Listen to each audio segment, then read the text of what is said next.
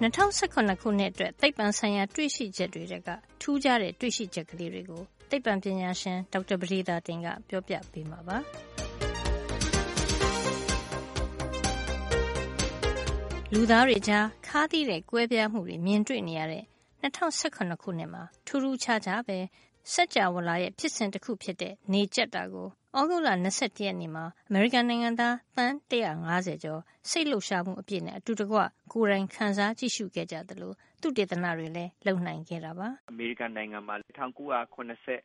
နှစ်က လုံးဝနေကြခဲ့ပါတယ် ဆိုတော့35နှစ်လောက်မှာမှ ဒီတစ်ခါ လုံးဝနေကြတဲ့ဟာကို တွေ့ရပါတယ် သိပ္ပံတွေ့ရှိချက်တစ်ခုအနေနဲ့ မှတ်တမ်းတင်ကြပါတယ် နေကြတဲ့အချိန်မှာ နေရဲ့ အပြင်ဆုံးအကာမှာရှိတဲ့ မီးစုံကြီးတွေ တောက်နေတဲ့ solar flare ကို သုတေသနလေ့လာဖို့အတွက် အမေရိကန်နိုင်ငံ NASA နဲ့ တခြားသုတေသနဌာနတွေက လုပ်ခဲ့ကြပါတယ်။နေကြတဲ့ဟာ2024ခုနှစ်မှာ တခါ လုံးဝနေကြအောင်ပါပါ။ဗမာပြည်မှာတော့ဟိုလုံးဝနေကြမှာ2080နောက်လာမဲ့အနှစ်90လောက်မှာ တခါ နေကြတဲ့အားကိုဗမာပြည်သူပြည်သားတွေ မြင်ရမှာ ဖြစ်ပါတယ် လူသားတွေ အဆင့်ဆင့် တိုးတက်ပြောင်းလဲလာတဲ့ သမိုင်းကို ပြောတဲ့အခါမှာ တွေ့လာတဲ့ ကျောက်ဖြစ်ရုပ်ကြွင်းတွေနဲ့ သက်တမ်းမှတ်တိုင်တွေကို ထူကြပါတယ်။သမိုင်းဦးလူသား Homo sapiens တွေ လွန်ခဲ့တဲ့ နှစ်ပေါင်း ၂ သိန်းလောက်က အာဖရိကတိုက်မှာ နေထိုင်ခဲ့တယ်လို့ နှစ်ပေါင်းများစွာ လက်ခံလာခဲ့ရာကနေ ၂၀၁၇ ခုနှစ်မှာတော့ မော်ရိုကိုမှာ သက်တမ်း ၃ သိန်းခွဲရှိတဲ့ သမိုင်းဦးလူသား ၅ ယောက်ရဲ့ အရိုးစတွေကြောင့် ပြောင်းလဲသွားခဲ့ပါတယ်။ဒီနှစ်ထဲမှာပဲ ရှေးအကျဆုံး အဏုဇီဝရုပ်ကြွင်းတွေကိုရော အကြီးမားဆုံး ရုပ်ကြွင်းကြီးတွေကိုပါ တွေ့ရှိခဲ့တာပါ။ ကဘာဦးအစ လွန်ခဲ့တဲ့နှစ်သန်း4500လောက်မှာ ရှိနိုင်ခဲ့တဲ့တက်ရှိသတ္တဝါ မိုက်ခရိုရုပ်ကြွင်းတွေဟာ အလွန်သေးလာပြီးတော့ ဒီဇီဝရုပ်ကြွင်းတွေကို ကနေဒါနိုင်ငံကွီဘက်ဒေသ ရေအိုင်တွေအောက်ကထွက်တဲ့ ရေပူစမ်းနေရာတွေမှာ တွေ့ခဲ့ပါတယ်။ဒါရှေးအကြဆုံးတက်ရှိလို့ မှန်းဆကြပါတယ်။နောက် ဒီတစ်ချိန်တည်းမှာပဲ ဒီလောက်သေးတာအပြင် ဒိုင်နိုဆောလို အကောင်ကြီးတွေ ရုပ်ကြွင်းတွေ့ခဲ့ပါတယ်အဲကဘာမှာ အကြီးဆုံး ဒိုင်နိုဆောရဲ့ ခြေရာဟာ6ပေလောက်ရှိတယ် အဲ့တော့ အဲ့ဒီအယိုးစုကြီးက တပိုင်းတစကို သူတို့ စတွေ့တဲ့အခါကျတော့ သူတို့ ပြန်တွက်ကြည့်လိုက်တဲ့အခါကျဒီဒိုင်နိုဆောရဲ့အာခေါင်းကနေပြီးတော့ အမီးပြားအထိ အရှည်ဟာအာပေ120ကျော်တယ်လို့ ပြောပါတယ် လွန်ခဲ့တဲ့ နှစ်ပေါင်းတန်းတရာလောက်က အသက်ရှင်နေထိုင်ခဲ့တဲ့ ဒိုင်နိုဆောရဲ့ အမိပိုင်းကို ပထမဆုံးဖြစ်တဲ့မြန်မာနိုင်ငံ ဟူးကောင်းတောင်ကြားအတွက်ပရင်ထဲမှာ ရုပ်ကျွင်းဖြစ်တဲ့ရှာရှာပါပါတွေ့ရှိခဲ့ပါတယ်။မြန်မာနိုင်ငံမြောက်ပိုင်းက ပရင်တွေထွက်တဲ့နေရာမှာပေါ့နော်။တွားသွားတော်တော်ဒိုင်နိုဆောတွေမကပါဘူး။ဒိုင်နိုဆောငှက်မျိုးလေးတွေလည်းအဲ့ဒီချိန်ကရှိခဲ့ပါတယ်။အဲ့ဒီပရင်အတုံးတစ်ခုတည်းကနေတွေ့ခဲ့ပါတယ်။အဲ့ဒါပမာပြည်မှာပါ။မီးစုံတောက်တဲ့ဖားတစ်မျိုးကိုလည်းတွေ့ခဲ့တာပါ။ ငါးတို့လိပ်တို့ငှက်တို့ကနေဒီဆုံးဒီ fluorescence တောက်တယ်ဆိုတာတွေ့တာကြားပါပြီ။ဒါပေမဲ့ကုန်းတစ်ပိုင်းရေတစ်ပိုင်းတတော်ဖြစ်တဲ့ဖားမှာအာဂျင်တီးနားနိုင်ငံကတောထဲကဖားလေးတွေမှာသွားတွေ့ပါတယ်။အဲ့တော့ခရမ်းလွန်ရောင်ကြီးနဲ့ဒီဖားလေးတွေကိုထိုးလိုက်တဲ့အခါကျတော့သူတို့ကနေပြီးတော့မီးစုံတောက်တာကိုဒါပထမဦးဆုံးတွေ့ဘူးတဲ့ဒီနှစ်ထဲသိပ္ပံဆိုင်ရာအထူးခြားဆုံးအောင်မြင်မှုကတော့ drug ဆွဲအားလှိုင်းကိုတိုင်းတာနိုင်ခဲ့တာဖြစ်ပါတယ်။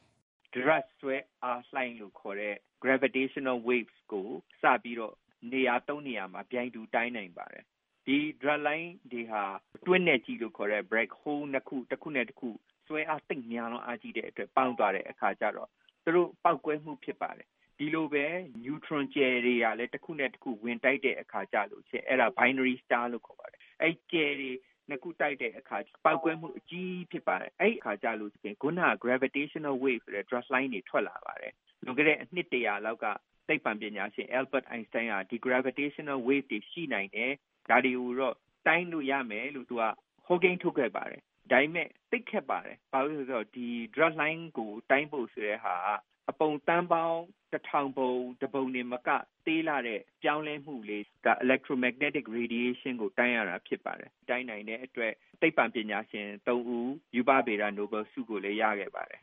black hole ကြီးတွေတိုက်တဲ့အခါ neutron ကြယ်တွေတခုနဲ့တခုဝင်တိုက်တဲ့အခါကျလို့ရှိရင်ထွက်လာတဲ့ drug line တွေကတိတ်ပြီးသေးငယ်ပဲအဲ့ဒီဖြစ်ခဲ့တဲ့အဖြစ်ကလည်းအလင်းနှစ်တန်း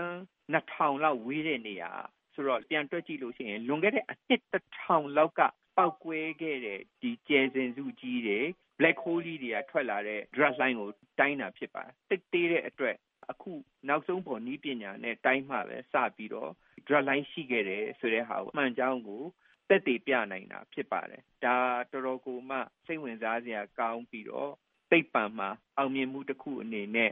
ဒီနှစ်ထဲမှာအထူးမှတ်တမ်းတင်ခဲ့ပါတယ် ဒီနှစ်ထဲမှာပဲ လူသားတွေနေနိုင်မဲ့ဂျိုသစ်ကဘာသစ်ခုနှစ်ခုကို ရှာတွေ့ခဲ့တာပါ အလင်းနှစ်တန်ပေါင်း40လောက်ကွာတဲ့နေရာမှာအကွေးရက်ဆိုတဲ့ကျဲစင်ချင်း ကနေပြီးတော့ နေဆက်ကြဝလာတစ်ခုရှိပါတယ် အဲ့ဒါကဘာနဲ့ အရွယ်တူတဲ့ဂျိုတုခုနှလုံးရှိတယ် ဒီအလင်း နှစ်40ပေါ့နော်တစ်စက္ကန့်မှာ မိုင်3သိန်း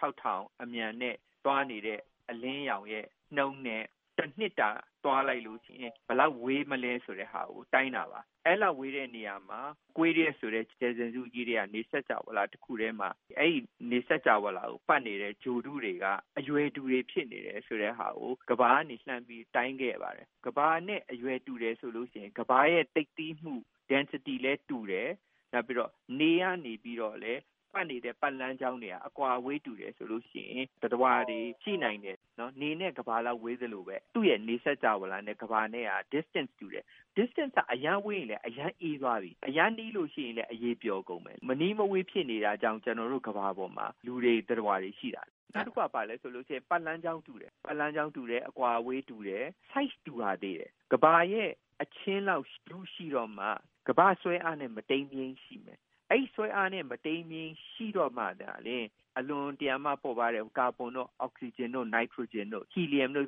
အဲ့ဒီ gas တွေကကဘာရဲ့မြင်မျက်နှာပြင်ပေါ်ရောက်လာအတိတ်သေးတဲ့ဂျိုဆိုလို့ရှိရင်ဒီဟာတွေကဘယ်လုံးမှမရောက်နိုင်ဘူးအဲ့ဆို light atoms တွေကမနေနိုင်ဘူးပေါ့တက်ရှိသတ္တဝါတွေဖြစ်ဖို့အတွက်က light atoms တွေနဲ့ဖွဲ့စည်းထားတာကျွန်တော်တို့က carbon base လေဒီကဘာပေါ်မှာရှိတဲ့တက်ရှိသတ္တဝါတွေက carbon base ဒေါက်တာပရိသတ်တင်ရဲ့ပြောကြားချက်နဲ့ပဲ ဒီသတင်းပတ်အတွက်သိပ္ပံနဲ့နည်းပညာကဏ္ဍကိုဒီမှာပဲရန်နာလိုက်ပါရစေနောက်တစ်ပတ်မှာပြန်ပြီးဆုံကြအောင်